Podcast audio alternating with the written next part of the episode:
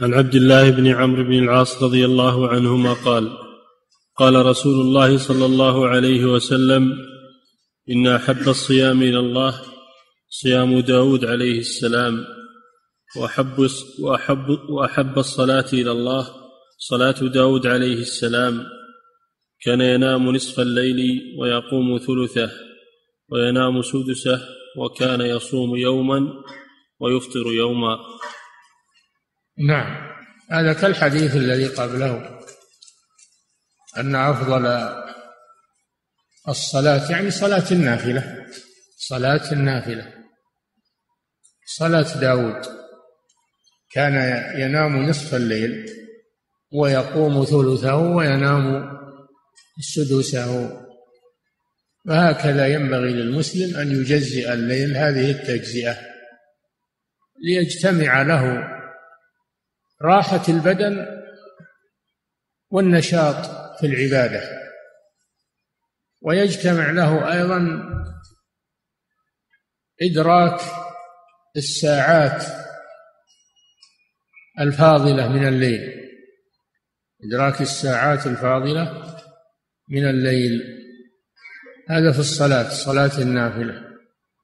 وفي الصيام كان عليه الصلاة والسلام يصوم يوما ويفطر يوما يعني يصوم نصف نصف الدهر ويفطر نصفه.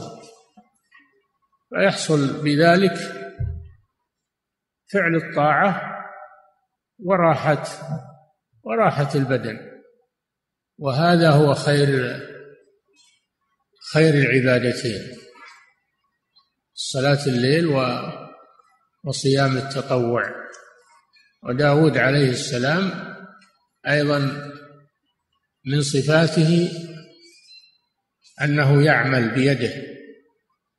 شوف ملك وعنده الخزائن ولكنه يعمل بيده ويأكل من من يده من كسب يده لأن الله ألان له الحديد فكان يصنع الدروع ويبيعها ويأكل من ثمنها كان يأكل من كسب يده. ففيه فضل الأكل من كسب اليد. وأنه أطيب أنواع الكسب أطيب أنواع الأكل.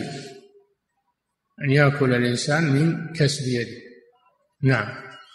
عن أبي هريرة رضي الله عنه قال أوصاني خليلي رسول الله صلى الله عليه وسلم بثلاث صيام ثلاثة أيام من كل شهر.